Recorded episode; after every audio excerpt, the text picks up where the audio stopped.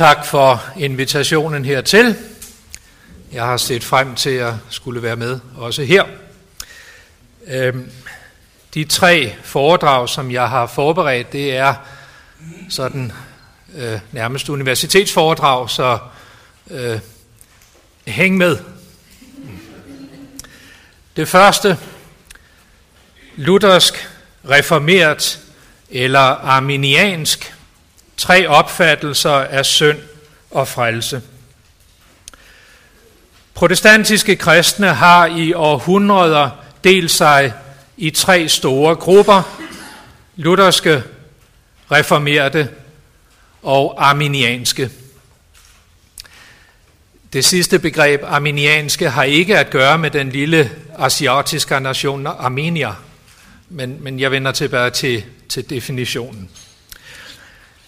De to sidstnævnte, reformerte og arminianske, har i 400 år udkæmpet drabelige teologiske slag, som vi lutherske blot har betragtet på afstand. Men de senere år har vi modtaget mange impulser fra begge grupper. Derfor er det mere nødvendigt end nogensinde at være opmærksom på protestantiske ligheder og forskelle. Vi skal begynde med at se på nogle hovedtræk af denne reformerte arminianske uenighed. Derefter ser vi på den lutherske løsning på samme strid. I den reformerte verden betragter man franskmanden Jean Calvin som kirkens vigtigste reformator. På dansk kalder vi ham Johannes Calvin. Allerede da Calvin var 24 år gammel, skrev han sit hovedværk Institutio Religionis Christianae, undervisning i den kristne religion. Hans bog er sidenhen kommet i utallige oplag og genudkommer stadig med næsten bekendelsesagtig karakter i den reformerte verden. På 1500-tallet var det især forståelsen af nadveren, der skilte de lutherske og de reformerte. Men af hensyn til tiden vil jeg her nøjes med at se på forståelsen af synden, forsoningen og frelsens tilegnelse. Fordi lutherske, reformerte og arminianske kristne har mindst tre forskellige opfattelser af disse spørgsmål. Den klassisk reformerte lære om frelsen, udviklet af Calvins efterfølger på akademiet i Genève, Theodor Beza, hænger logisk sammen, så de enkelte lærepunkter følger som nødvendige konsekvenser af hinanden. Logikken tager sit udgangspunkt i Guds almagt og det syndige menneskes afmagt. Punkt 1. Efter Adams fald er synden et så fuldstændigt fordærv, at intet menneske, undtagen Jesus, er i stand til at ville, hvad Gud vil, eller bare at tro på Gud. I åndelig forstand er et hvert menneske dødt, ikke bare sygt eller skadet. Et ugenfødt menneske kan lige så lidt vælge at tro som en, en død kan vælge at leve. Når et menneske kommer til tro, er der derfor tale om en døde opvækkelse, som Gud bevirker alene, uden nogen indsats fra dette menneske. Dette kalder vi monergisme, alene virkning. Punkt 2. Før alle tider har Gud forudbestemt de mennesker, som han i sin nåde vil give troen og det evige liv. Samtidig har Gud forbigået alle de øvrige mennesker. Gud har ikke bare forudbestemt måden, hvorpå man bliver frelst, men også de enkelte personer, som faktisk bliver frelst. Punkt 3. Her i tiden har Gud gennemført sin forudbestemmelse ved at sende Jesus som et sonoffer for de menneskers synd, som han har forudbestemt til frelse. Det betyder, at Jesus ikke døde for de mennesker, som Gud ikke har forudbestemt til frelse. Dette kaldes begrænset forsoning. Det er en stadig diskussion blandt reformerede, om Calvin selv lærte begrænset forsoning. Der findes udtalelser hos ham, som trækker i begge retninger.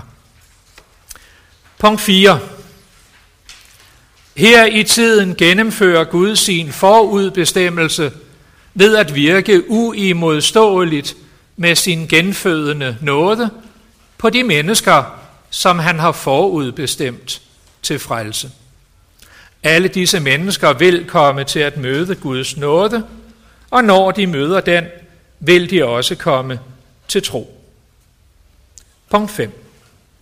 Her i tiden gennemfører Gud sin forudbestemmelse ved at virke uimodståeligt med sin bevarende nåde på de mennesker, i hvem hans genfødende nåde har bevirket troen.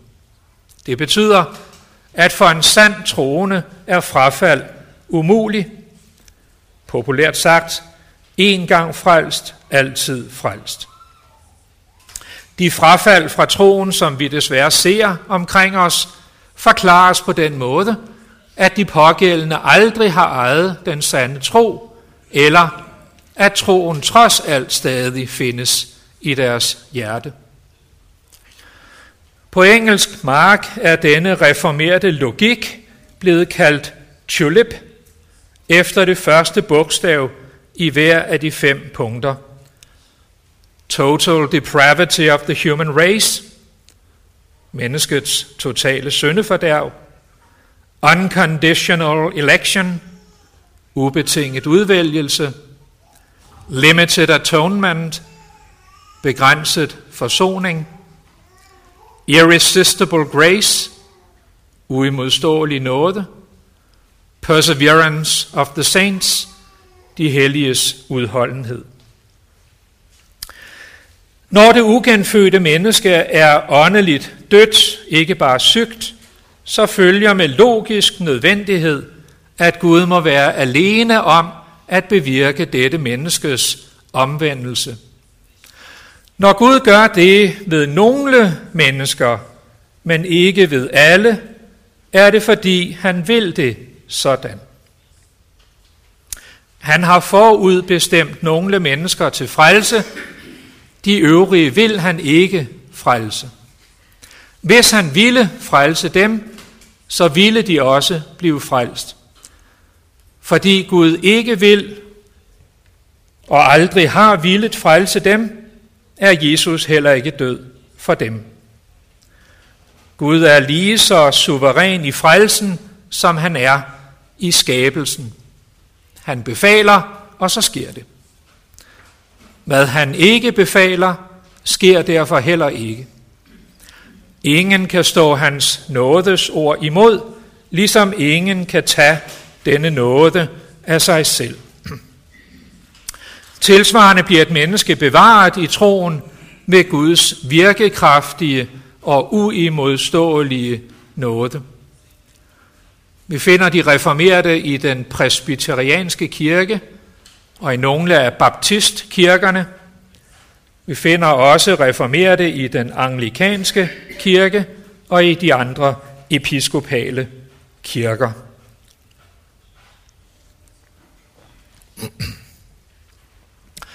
Omkring år 1600 blev den reformerede logik angrebet af en gruppe hollandske teologer med professor Jakob Arminius i spidsen. Arminius selv døde midt under striden og måtte derfor overlade til sine disciple at udvikle et detaljeret modsvar. Hvor de reformerede argumenterer ud fra Guds almagt og menneskets totale afmagt, begynder arminianerne med menneskers mere eller mindre frie vilje. De hævder, at Guds forudbestemmelse af de frelste sker på baggrund af forudset tro. Latin ex previsa fide. Reelt betyder dette, at Gud kun har forudbestemt måden, hvorpå et menneske bliver frelst, nemlig ved tro på Jesus. Han har ikke forudbestemt, men kun forudset, hvilke personer, der faktisk vil blive frelst. Arminianerne siger også, at Jesus døde for alle mennesker og sonede alle menneskers synd, altså ubegrænset forsoning. Nu rækker Gud sin nåde til alle mennesker som et tilbud om assistance. Men det er op til den enkelte selv at beslutte sig for eller imod Gud. Nådens virkning er nemlig ikke uimodståelig. Det uigenfødte menneske har en fri vilje, eller i hvert fald en relativt fri vilje, så vi kan stå Guds nåde imod eller tilslutte os den. De tidlige arminianere gav til gengæld udtryk for usikkerhed angående frafaldets mulighed. Om nåden kan mistes igen, kræver et større bibelstudium, sagde de, end det, som de på dette tidspunkt havde mulighed for at levere. Siden da har de fleste arminianere hævdet, at den bevarende nåde kun er assisterende, og at den derfor kan mistes igen. Det er altså muligt for en sand troende at falde fra. Vi finder arminianerne i metodistkirken, i pinsekirken, herunder apostolsk kirke, i missionsforbundet, blandt de fleste baptister og blandt karismatiske kristne. Det meste af det, vi kalder frikirkerne i Skandinavien, er altså arminianske. Til gengæld har vi traditionelt haft få reformerte kalvinister i Skandinavien. De allerseneste år er der vokset små kalvinistiske menigheder op flere steder i Norge og i Danmark. De fylder dog fortsat ikke så meget. Men i Holland, i Tyskland, i Schweiz, i England, i Skotland og i USA er der mange reformerte kristne. I internationale evangelikale sammenhænge, det vil sige blandt teologisk konservative protestanter, var det indtil for cirka 40 år siden især de reformerede, kalvinisterne, der lagde den teologiske linje. Den væsentligste årsag var den, at konservative arminianere, altså metodister, pinsevenner osv., ikke havde samme tradition for teologisk arbejde. Men de seneste årtier er de kommet rigtig godt med, hvad dette angår. De skriver store teologiske værker, hvor i de drager stadig flere af de konsekvenser, som egentlig ligger i naturlig forlængelse af deres grundsyn. Toneangivende arminianske teologer bevæger sig i disse år længere og længere væk fra klassisk arminiansk teologi. Men de kan med rette forsvare sig med, at de blot drager de naturlige konsekvenser af det arminianske grundsyn. Så lad os se lidt mere på klassisk arminianisme. I forbindelse med striden om den reformerede logik, formulerede Jakob Arminius' disciple året efter hans død, 1610, fem punkter, den såkaldte remonstrans, der nogenlunde modsvarer de reformertes tulip. Punkt 1. Gud har forudbestemt, at de personer, der tror på Jesus, vil blive frelst. Gud har altså ikke forudbestemt, hvilke personer, der vil blive frelst. Og derfor heller ikke, hvilke personer, der ikke vil blive frelst. Gud har kun forudbestemt frelsesvejen. Punkt 2. Jesus døde for alle menneskers synd, det vil sige ubegrænset forsoning. Gud vil frelse alle mennesker. Punkt 3. Fordi alle mennesker er smittet af synd, må Guds nåde hjælpe den menneskelige vilje på vej. Nåden assisterer viljen, så den bliver i stand til at træffe den rigtige beslutning. Denne nåde kaldes Guds forekommende nåde, på latin gratia preveniens, på engelsk prevenient grace, fordi den kommer mennesket i forkøbet og virker frelseskræfter i mennesket allerede før modtagelsen af frelsen. Punkt 4. Også det genfødte menneske er smittet af synd og har behov for nådens assistance, hvis det skal kunne gøre Guds vilje og bevare troen. Punkt 5. Den genfødte har tilstrækkeligt med noget inde i sig, så han kan kæmpe mod synden og undgå frafald. Men han må vælge at samarbejde med denne nåde. Arminianismen blev til i en urolig tid. Fra 1618 til 48 udkæmpede vi en stor europæisk borgerkrig som også var en religionskrig. Derfor havde arminianismen vanskeligt ved at etablere sig som det nye trosamfund, den reelt var. Dette ændrede sig det følgende århundrede med metodismen.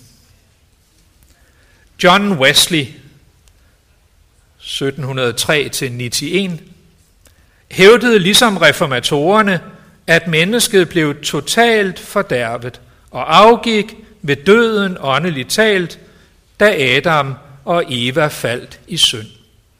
Til gengæld lærte John Wesley også, at Guds forekommende nåde, prevenient grace på engelsk, rækker ud til alle mennesker. En lille parentes. Standardværket om prevenient grace i arminiansk og wesleyansk teologi er denne bog. Brian Shelton Prevenient Grace, God's Provision for Fallen Humanity, 2014. Nåden virker med sin assistance på alle mennesker, også på dem, der aldrig har hørt om Jesus. Der taler om en overnaturlig tilføjelse til alle menneskers natur, som sætter dem i stand til at beslutte sig for Gud. I sig selv er de altså fordærvede og døde. Men på grund af Guds forekommende nåde, har de alligevel adgang til de frelseskræfter, som er nødvendige til omvendelsen og til det hellige liv. Vi må derfor sige, at John Wesley principielt tilsluttede sig reformatorernes syndsforståelse, men at han alligevel ophævede syndefordærvets konsekvenser med sin lære om Guds forekommende nåde. Denne specielle nåde genopretter i alle mennesker evnen til frit at beslutte sig for eller imod Gud. Bibelsk belæg for Guds forekommende nåde finder Wesley i Johannes' ord om det sande lys, der oplyser et hvert menneske, Johannes 1.9.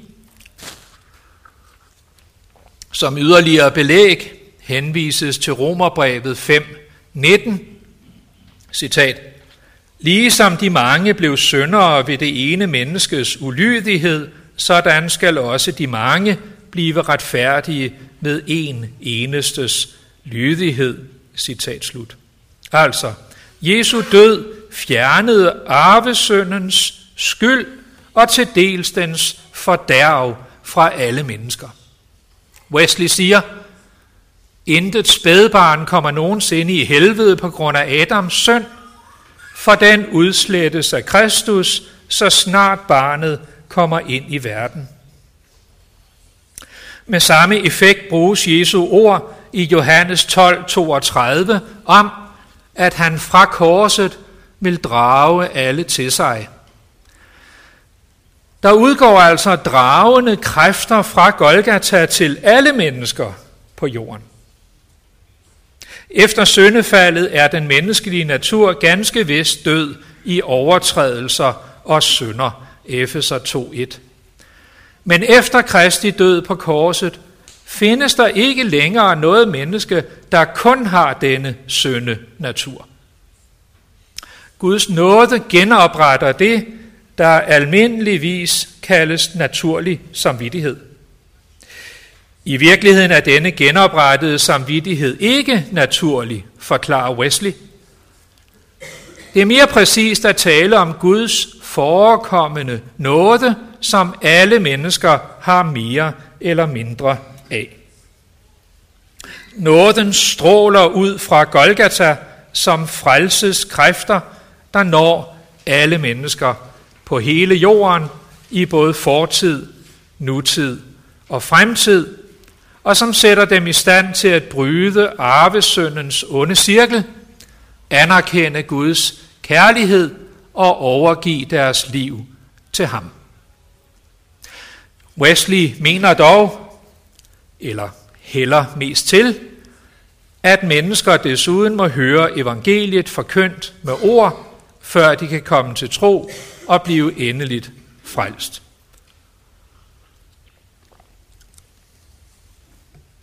John Wesleys forståelse af nåden adskiller sig ganske meget fra reformatorernes tale om nåden som Guds yndest. På latin favor dei.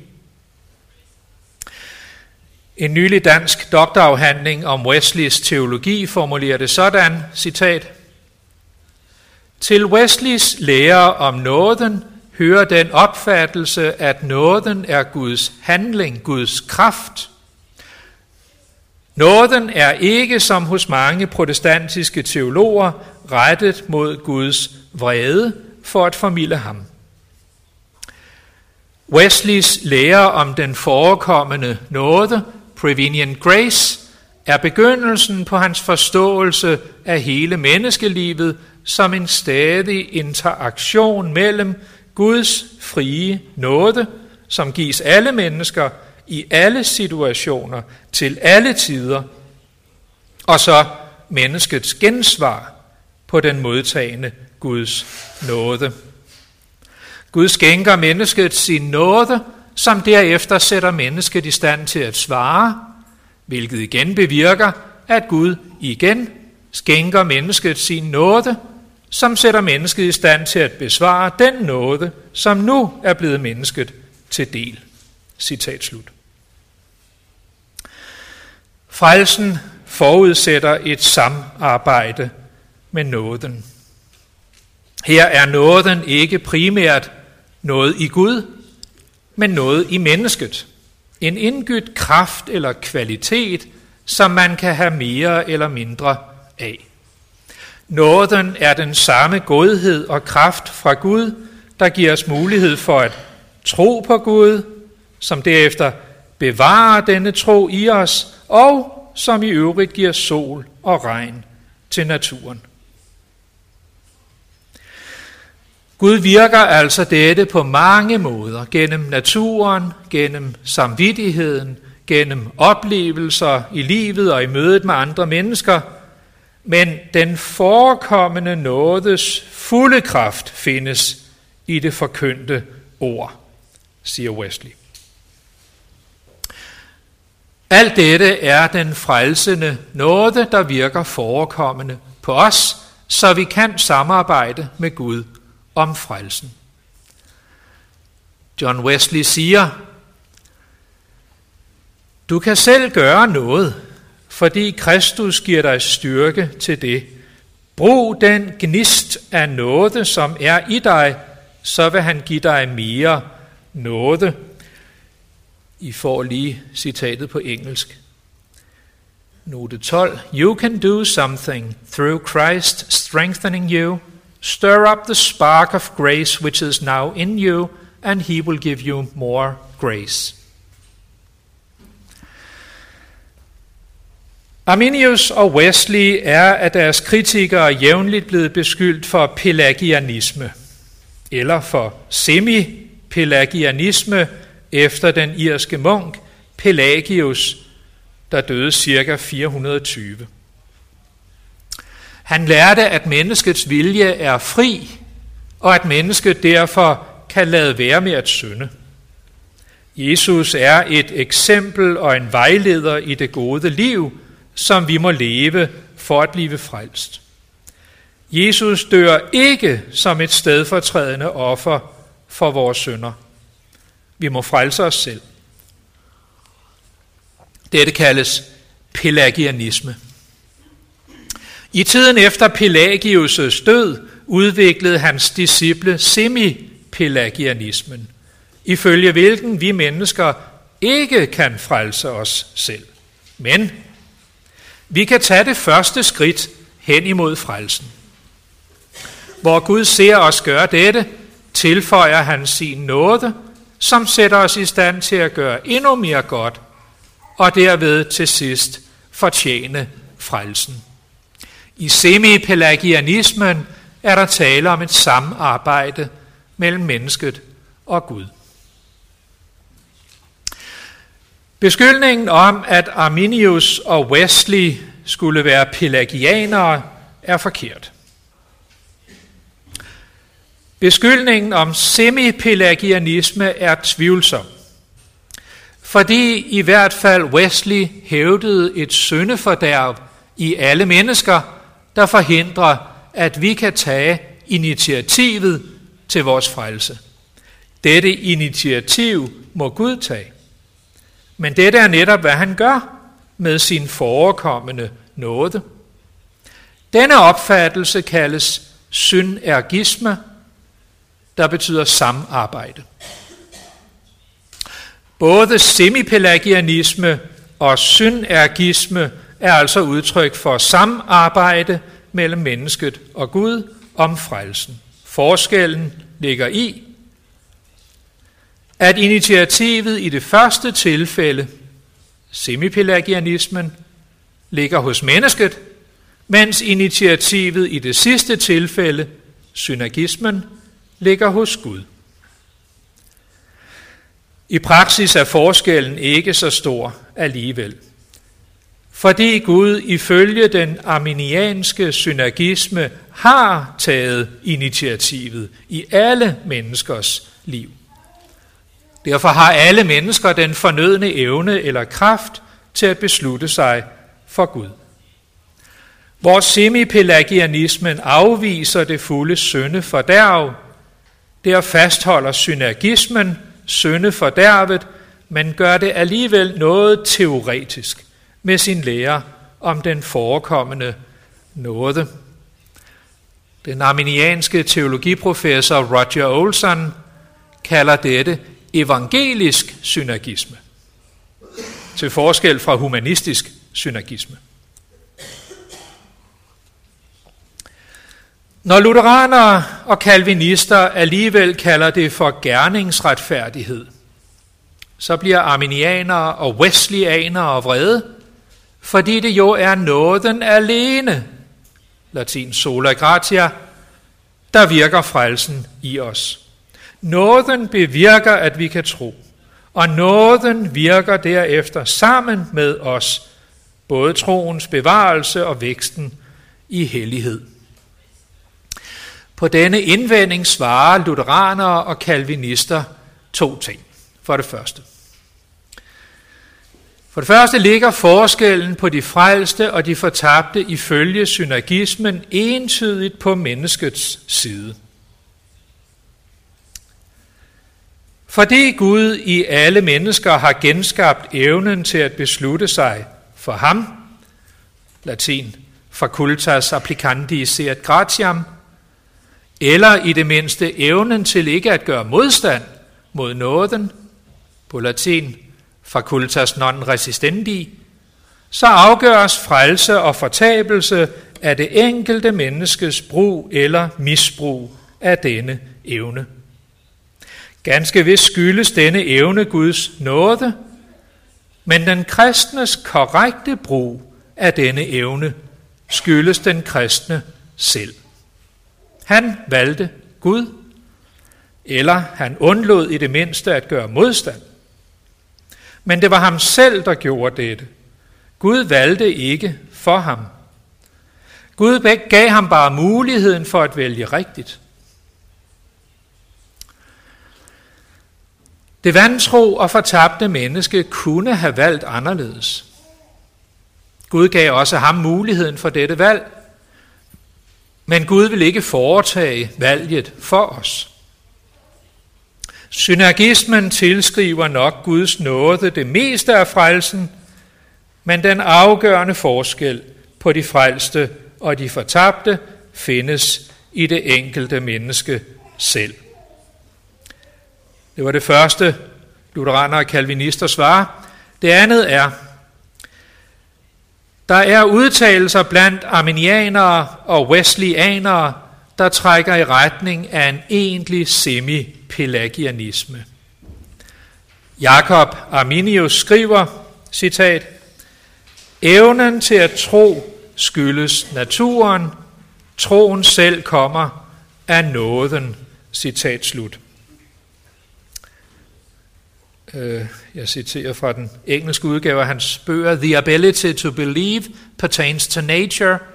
Actual belief is of grace. Som vi så hos Wesley, er den naturlige samvittighed egentlig ikke naturlig, for den er genoprettet ved Guds nåde. Men samvittigheden findes jo i alle menneskers natur, og må derfor snarere kaldes natur end nåde. Wesley kan indvende, at naturen er givet os af Guds nåde, så den er mere nåde end natur. Særligt den genoprettede menneskenatur efter Golgata er af nåde, ifølge Wesley. Alligevel er der her en uklarhed i arminiansk og wesleyansk tradition, der åbner for anklagen om semi-pelagianisme. Hvis lutheranere og kalvinister undlader anklagen om semipelagianisme, så fastholder vi alligevel den påstand, at arminiansk synergisme er uforenelig med reformationens lære om nåden alene. Reformationen forstår nåden som Guds øndest og velvilje mod mennesker, som er helt ugudelige og døde i synden. Vi kan godt sige, at vores naturlige kræfter og Guds mange gaver er af nåde. Men den nåde, der frelser et ugudeligt menneske, er tilsagt og tilregnet på latin gratia imputata. Den er ikke indgydt i mennesket på latin gratia infusa. Den frelsende nåde er uden for os. Ekstra nos. Det er en fremmed retfærdighed, justitia aliena, nemlig Kristi retfærdighed. Den forbliver fremmed og uden for os, selv når Kristus ved troen flytter ind i vores hjerter. Den retfærdighed, der gælder for Guds domstol, er nemlig ikke den iboende og påbegyndte, men den fremmede og tilregnede. Selvom Gud virker med sin godhed og sine kræfter i os mennesker, at vi helliggør os, så er det ikke denne nåde, men alene Guds yndest og velvilje mod helt ugudelige mennesker, der afgør deres sag på dommedag.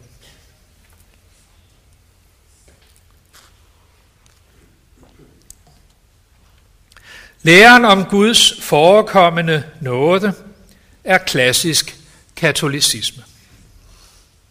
Thomas Aquinas på 1200-tallet kaldte den nåden givet for intet. På latin gratia gratis data. I modsætning til den endelige retfærdiggørende nåde, på latin gratia gratum faciens, der forudsætter menneskets frivillige svar. Arminius og Wesley vendte tilbage til den forståelse af frelsen, som reformationen var et opgør med. Denne vurdering finder man i øvrigt også hos katolske dogmehistorikere. Nogle arminianere er uenige med Wesley, fordi de ikke kan finde belæg for den forekommende nåde i Bibelen. Men, siger de, da Gud vil alle menneskers frelse, må det ugenfødte menneske jo også være i stand til at beslutte sig for Gud. Derfor kan søndefaldets konsekvenser ikke være så alvorlige, som reformatorerne og John Wesley hævdede. Mennesket er ikke åndeligt dødt efter syndefaldet, men kun skadet eller sygt. Derfor er dets vilje fri, eller i det mindste så relativt fri, at det kan beslutte sig for Gud. Lige siden det 18. århundrede har arminianerne delt sig i disse to lejre. For det første,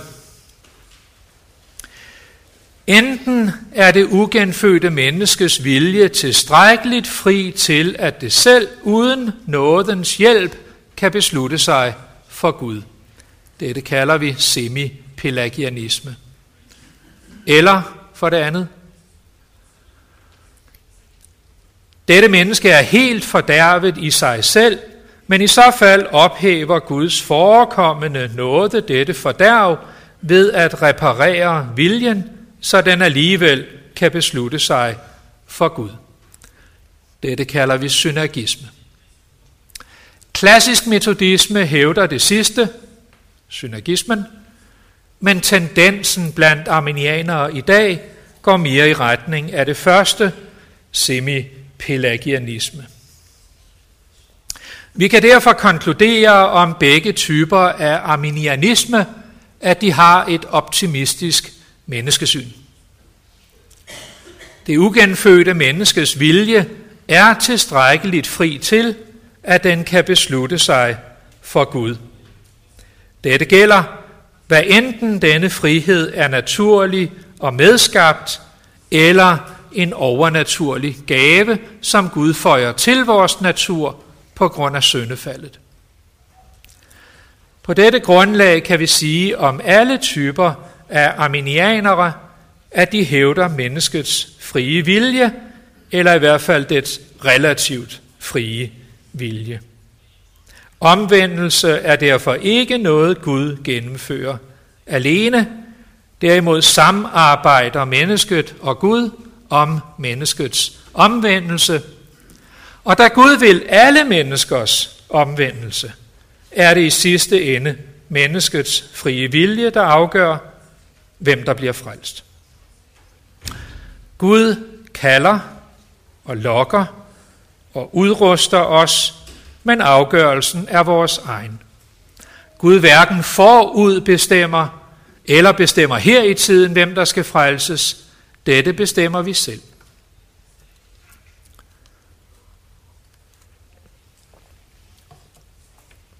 I klassisk arminianisme og i den tidlige metodisme var der en spænding i Guds væsen mellem hans kærlige vilje til frelse og hans brændende vrede mod synden.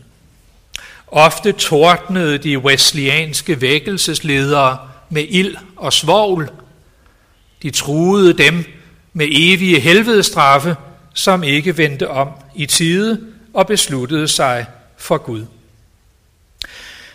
Inden for nyere arminianisme derimod, og særligt tydeligt de seneste 30-40 år, er gudsbilledet blevet mere enstrenget.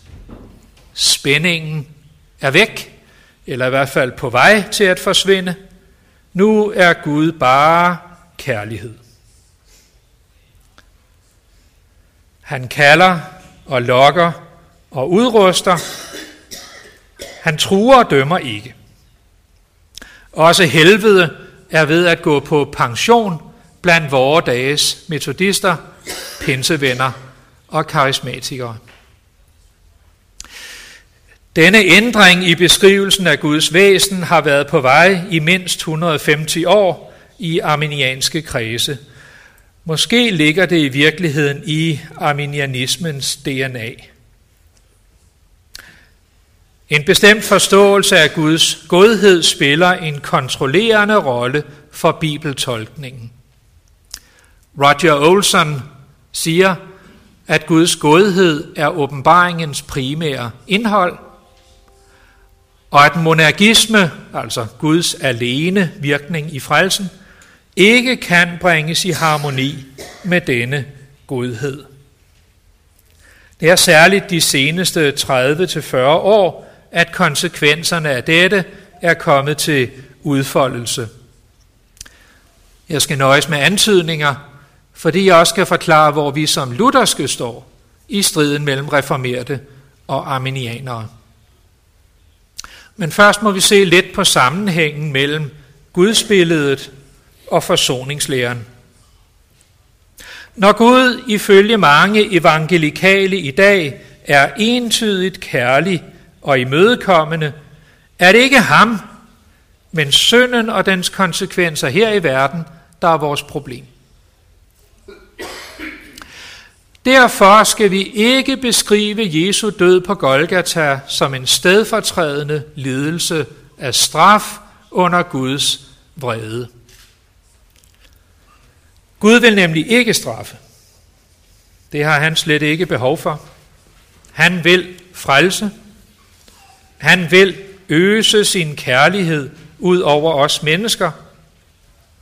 Problemet er, at vi ikke vil hans kærlighed. Vi har nok i os selv. Derfor sender han Jesus, der skal vise os, hvor stor hans kærlighed er, og på den måde smelte vores trods, så vi alligevel lader os elske ind i Guds rige.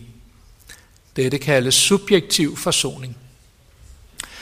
Blandt nutidige metodister, pinsevenner og karismatikere finder vi også andre forståelser af forsoningen, Særligt Jesu kamp med og sejr over alle onde magter.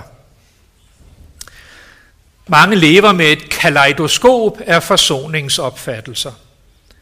Men det generelle billede er, at Jesus stedfortrædende lidelse af straf under Guds vrede er på vej ud.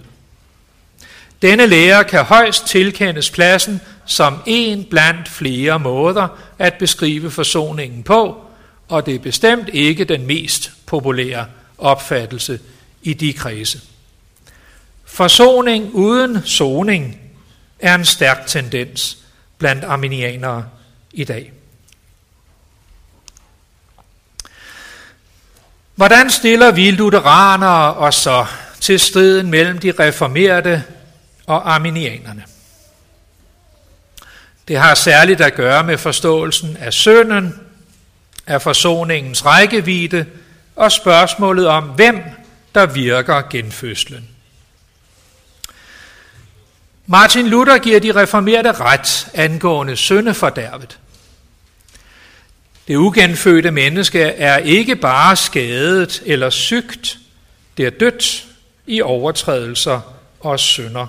Det har ingen fri vilje ikke engang en relativt fri vilje. Det ugenfødte menneske kan gøre lige så lidt til sin egen omvendelse, som et lig kan gøre for at få livet. Det forholder sig med det vantro menneske på samme måde som med Lazarus, da han lå inde i graven på fjerde dag. Johannes 11. Jesu ord måtte kalde livet frem i ham, Kom herud, råbte Jesus.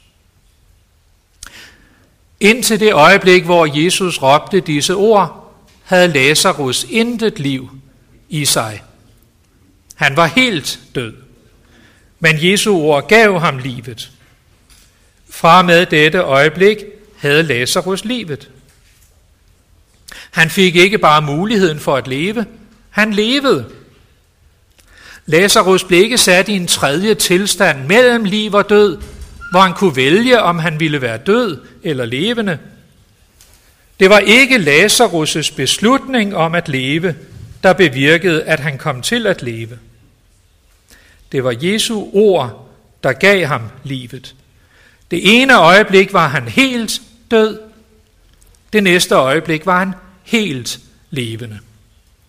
Der var ikke noget tidspunkt midt imellem, hvor han var halvt af hver.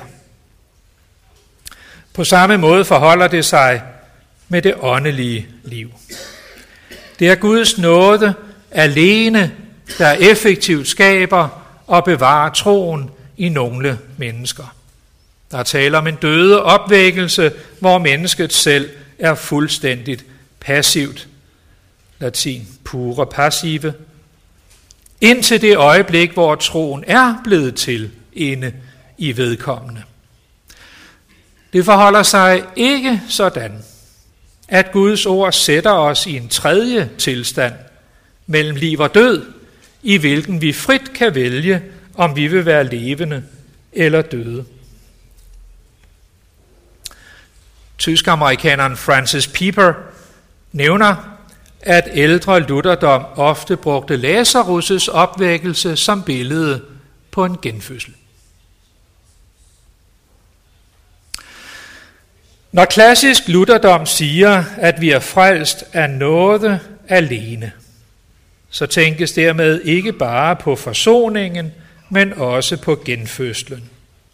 Ligesom Gud var alene om at tilvejebringe frelsen for 2000 år siden, sådan er Gud alene om at omvende og genføde et menneske. Der er tale om monergisme, alene virkning. Gud var alene om at tilvejebringe frelsen uden for os, øh, for os, uden for os og før os. Dette gjorde han ved på egen hånd at forlige verden med sig selv. Men det er også Gud, der er alene og på egen hånd. Hvor og når Gud vil, Augustaner 5, virker troen i et vantro hjerte. Dette gør Gud ved at skabe en ny vilje ind i et menneske, som indtil da ville noget andet. Gud skaber ikke bare en ny vilje i os, hvormed vi kan omvende os selv. Nej, Gud skaber den nye vilje inde i os, som er omvendelsen. Det er Gud, der virker ikke er både at ville og at virke, siger Paulus, Filipper 2.13. Vi er blevet genfødt af Guds ord, siger Peter, 1. Peter 1.23. Dermed er vi født af Gud, 1. Johannes 3.9 og Johannes 3.5. En fødsel kan man ikke tage af sig selv. Man er pure passive. Man bliver født. Luther og den klassiske lutherdom afviser også den katolske og metodistiske lære om Guds forekommende nåde, for den finder vi ikke i Bibelen. Nåden er ikke en kraft, der med tiden helbreder os. Nåden er en hel og fuld tilsigelse af søndernes forladelse, liv og barnekår. Derfor er nåden noget i Gud, ikke noget i os. Nåden er Guds yndest og velvilje, hvorved han optager os i sit samfund og gør os til sine børn for Jesu skyld. Men Luther og den lutherske kirke siger også, at Jesus døde for alle mennesker, som et sonoffer for hele verdens synder. 1. Johannes 2:2. Fordi Gud ønsker, at alle mennesker skal frelses og komme til erkendelse af sandheden. 1. Timotheus 2:4 og andre steder. Gud mener det virkelig alvorligt, når han indbyder alle mennesker, alle vegne til at omvende sig og tro på Jesus, Apostlenes Gerninger 17, 30. Han indbyder både onde og gode til bryllupsfest, Matthæus 22, 10. Og han formaner os endda til at nøde hvem som helst til at komme, så hans hus kan blive fyldt. Lukas 14, 23. Når nogle mennesker ikke kommer til tro på Jesus, skyldes det, at de selv står Gud imod. Gud ville gerne samle dem, som en høne samler kyllingerne under sine vinger, men de ville ikke. Matthæus 23, 37. Vantro mennesker vælger sønnen, de vil ikke Gud. Dette er domsgrundlaget mod dem på den yderste dag. De kan ikke indvende, at Gud havde forudbestemt dem til fortabelse. For grundlaget for deres fortabelse er, at de ikke ville Gud. Og dette kan de ikke benægte, for de ved, at sådan var det. Gud ville gerne frelse dem. Jesus døde også for deres sønder, men de ville ikke.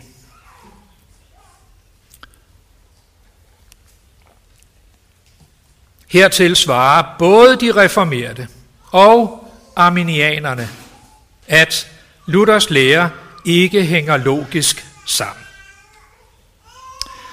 Hvis et vantro menneske er åndeligt dødt, ikke bare skadet eller sygt, og hvis det derfor er Gud alene, der bevirker dette menneskes omvendelse, så er det også Guds suveræne beslutning, der ligger bag, når et menneske ikke kommer til tro, siger de. Det hænger ikke logisk sammen, hvis man siger, at troen er Guds værk alene, men vantroen skyldes mennesket alene. Der er kun to måder, hvorpå vi kan få tingene til at hænge logisk sammen. Enten kalvinisternes dobbelte forudbestemmelse og begrænset forsoning, eller arminianernes frie vilje og ubegrænsede forsoning. Og deri har de reformerte og arminianerne ret. Den lutherske lære hænger ikke logisk sammen. Frelsen er for Martin Luther ikke et logisk system, men et dobbelt møde med Gud selv i lov og evangelium. I dette møde med Gud sker der to ting med mennesket. Det dræbes, og det får nyt liv. I dette møde med Gud kan det hele komme til at gå op. Ikke for logikken, men for hjertet. Det sker i det den enkelte finder hvile i ordet om søndernes forladelse for Jesus skyld. Gud skaber troen i os ved dette ord. Men vores forstand kan ikke lade være med at stille det spørgsmål, som de reformerede og arminianerne besvarer på hver deres måde. Hvorfor kommer nogen og ikke alle til tro, når de hører Guds ord? På latin, cur alii non alii. Hvor ligger forskellen? Er det hos Gud, eller er det hos mennesker? Klassisk lutherdom siger, på dette spørgsmål skal vi ikke give et, men altid to svar. Svar nummer et. Hvis du bliver frelst, skyldes det Gud alene. Han har skabt og bevaret troen inde i dig. Svar nummer to. Hvis du går fortabt, skyldes det dig selv alene. Du ville ikke Gud, og du afviste ham, da han kaldte på dig. Det er sandt, at dette svar ikke går logisk op. Vi kan ikke sætte det på én formel. Bibelen forbyder os at gøre det. I samme øjeblik, vi får det til at gå op for logikken, er vi blevet vranglærere. Vi har forladt den spændingsfyldte lære om frelsen, som vi finder i Bibelen, og vi har givet os den menneskelige fornuft i vold. Men i frelsens sager er fornuften, som Martin Luther siger i en prædiken i januar 1546, citat, Djævelens brud, den største hore, djævlen har. Citat slut. I sin store Galaterbrevskommentar siger Luther, at fornuften er Guds værste og farligste fjende. Hende skal vi ikke lytte til. Vi skal derimod tage Guds ord ind over os, så spændingsfyldt som det står. Vi skal lade os sige af det, både i dom og i nåde, så finder vi hvile hos ham. Hvis vi forfærdes over læren om syndefordærvet og Guds alene virkning, så er løsningen ikke at få det hele til at hænge logisk sammen, men derimod at flygte til Jesu kors, hvor også vores synder blev sonet, og hvor Gud er os nådigt stemt. Sigbert Becker siger med rette om forholdet mellem luthersk, kalvinistisk og arminiansk forståelse af synd og frelse, citat, i dette spørgsmål er faren for lutherdommen aldrig kommet så meget fra kalvinismen som fra arminianismen. Ganske vist er begrænset forsoning og frafaldets umulighed et kalvinistisk forsøg på at drive logik på frelsen. Men den forekommende nåde og menneskets frie vilje er også udtryk for rationalisme, og dette synergistiske forsøg på logik har i hele kirkens historie været en større trussel mod evangeliet. Troen er ikke logik og rationalisme. Den er, som Luther siger, en flugt fra Gud til Gud. Troen er en flugt fra Gud til Gud. For lutherske kristne er lov og evangelium den teologiske hermeneutik par excellence. Vi flygter fra dommens Gud til nådens Gud, i det vi søger tilflugt mod Gud, hos Gud. Det nytter ikke noget, at vi forstår hele teologien, hvis ikke vi i tro tager vores tilflugt til Gud og skjuler os hos ham, når dommen og vreden tordner imod os. Til dette vil nogen måske svare, jamen vi kan jo slet ikke tro på Gud. Derfor kan vi heller ikke tage vores tilflugt til ham. Vi kan slet ingenting gøre, for vi er jo døde i overtrædelser og synder. Svaret lyder. Du kan ikke tage livet af dig selv, men du kan høre. Og mens du hører, vil Gud selv virke inde i dig med sin dom og sin nåde. Du må høre Guds dom over din synd, så du bliver forfærdet og slipper dine forsøg på at overskue Gud. Og så må du høre det næste ord fra ham, og jeg lader Karl Olof Rosenius få dette sidste ord. En kendt salme, jeg citerer på dansk. Du kan ikke tro, o min kære, så hør.